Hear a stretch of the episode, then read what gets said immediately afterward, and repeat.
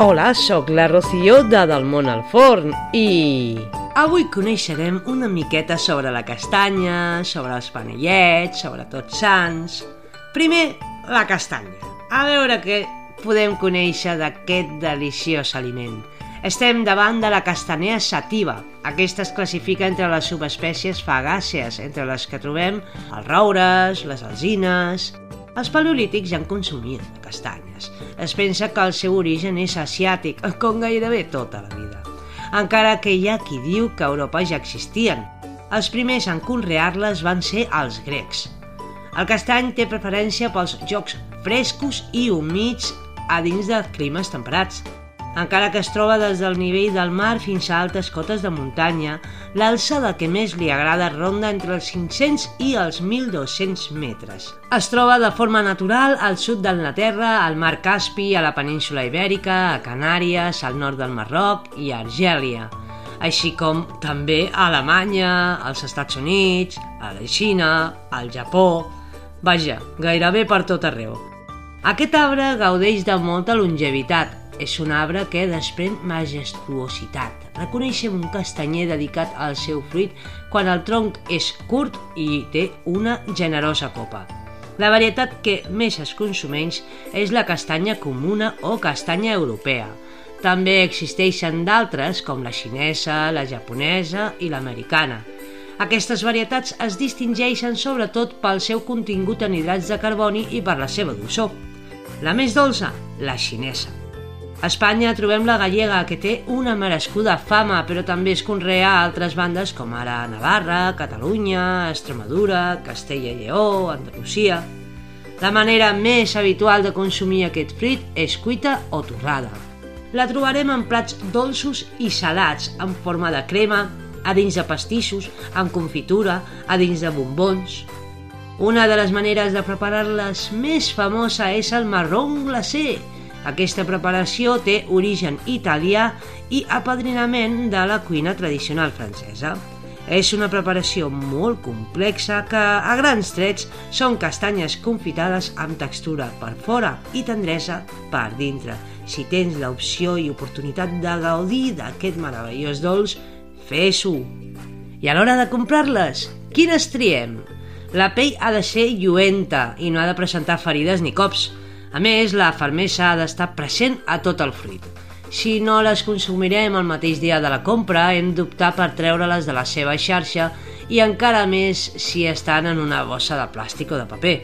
Aleshores les posarem a sobre d'una xarxa, preferiblement de plàstic, per tal que gaudeixin de ventilació per tot el fruit. També és recomanable posar-les en un lloc fresc i sec. La humitat no és ben rebuda, genera fongs. Tampoc són amigues de les melés. Hauríem d'estirar-les perquè estiguessin molt còmodes.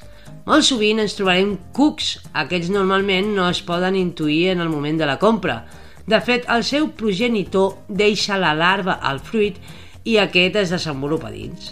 Així que comprem unes quantes extra perquè de ben segur que algun animalet coneix casa nostra. Si aquests dies us trobeu amb un excedent de castanyes, us anirà bé saber que es poden congelar, tant crues com cuites. I sabeu qui és en Krillin? Aquell inseparable company d'en Goku a bola de drac. Doncs el seu nom ve del japonès Kuri, que vol dir castanya, no cal dir que el van batejar així pel seu cap immens semblant a una castanya. Com és costum entre els personatges d'aquests dibuixos, el tema dels noms es repeteix entre els integrants de la família. És per això que en Clinin va posar marron a la seva filla, del francès marron, que és aquest dolç deliciós que hem esmentat abans. I com van de nutrients les castanyes, et preguntaràs. Homer, que no Homer, ja va deixar escrit que en la religió celta els druides veneraven el castany, el consideraven un arbre que els hi havien regalat els déus. Estem davant d'un dels fruits secs menys calòrics. Aquest fet és degut a que gairebé la meitat del seu pes és aigua. A més, conté hidrats de carboni, proteïnes, fibra, calci, magnesi i fòsfor. I què són les castanyes pilongues? Aquesta és la castanya que s'asseca amb fum, D'aquesta manera el seu índex d'aigua es veu reduït a un 20%. Aquest procés no altera ni el seu sabor ni les seves propietats. Tot seguit es pot convertir la castanya pilonga en farina, que sempre per fer pastes com tallarins, la trobem en farinetes infantils o també com a agent espessidor. Aquesta farina té una textura fina i un sabor molt delicat. A més, és molt digerible i és per això que forma part de dietes per persones que tenen problemes per mastegar.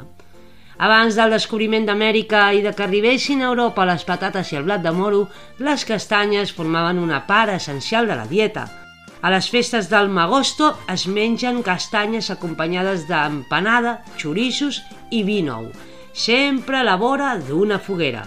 Aquesta festa és de tradició galega, encara que també es celebra a altres zones del nord i de l'oest de la península, i fins i tot a Càceres. Al País Basc celebren la Gastainerre, on mengen, entre d'altres, castanyes en cargols. Ara què, va, fem una recepteta en castanyes? No tan sols les podem menjar amb magon, glacer o rostides, també en podem fer una tarta. Fem-ne una, va. De mercat necessites per 6 persones 375 grams de castanyes pelades i cuites, 6 ous, 200 grams de sucre, un pessic de sal, un xic de polpa de vainilla. I com es fa? Convertim en puré les castanyes, afegim el sucre, els rovells d'ou i la vainilla i ho barregem bé. Muntem les clares a punt de neu. Ho barregem suaument de baix cap a dalt. Ho posem en un motllo a 180 graus centígrads una mitja horeta. Passat aquest temps, quan en punxar la punxa sortineta, ja tindràs gesta la teva deliciosa i saludable tarta de castanya.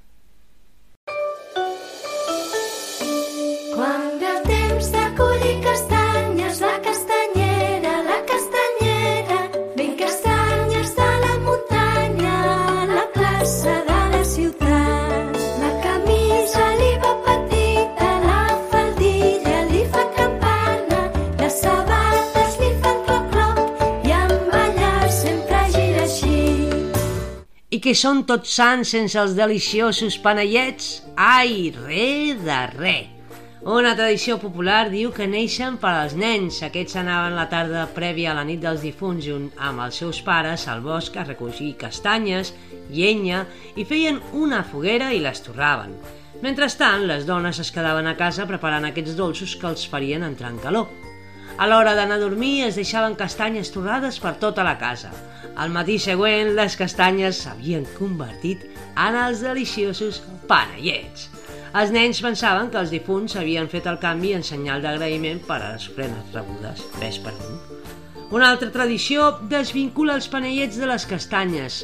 Aquesta diu que aquests dolços neixen dels àrabs, grans amants de l'ametlla també. Un altre diu que els campaners passaven la nit dels difunts fent sonar les campanes i això suposava un esforç molt gran.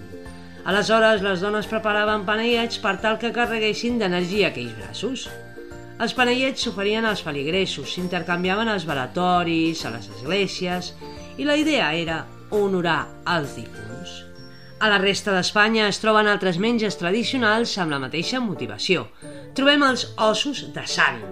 Estem davant d'un dolç de res castellanes. Es tracta d'un massapà en forma cilíndrica, farcit de rovell confitat o altres, com ara la pruna, el coco, el cabell d'àngel. Tot seguit es banya amb una glassa de sucre ben blanca. Els farians del segle XVI ja els venien a la porta dels cementiris.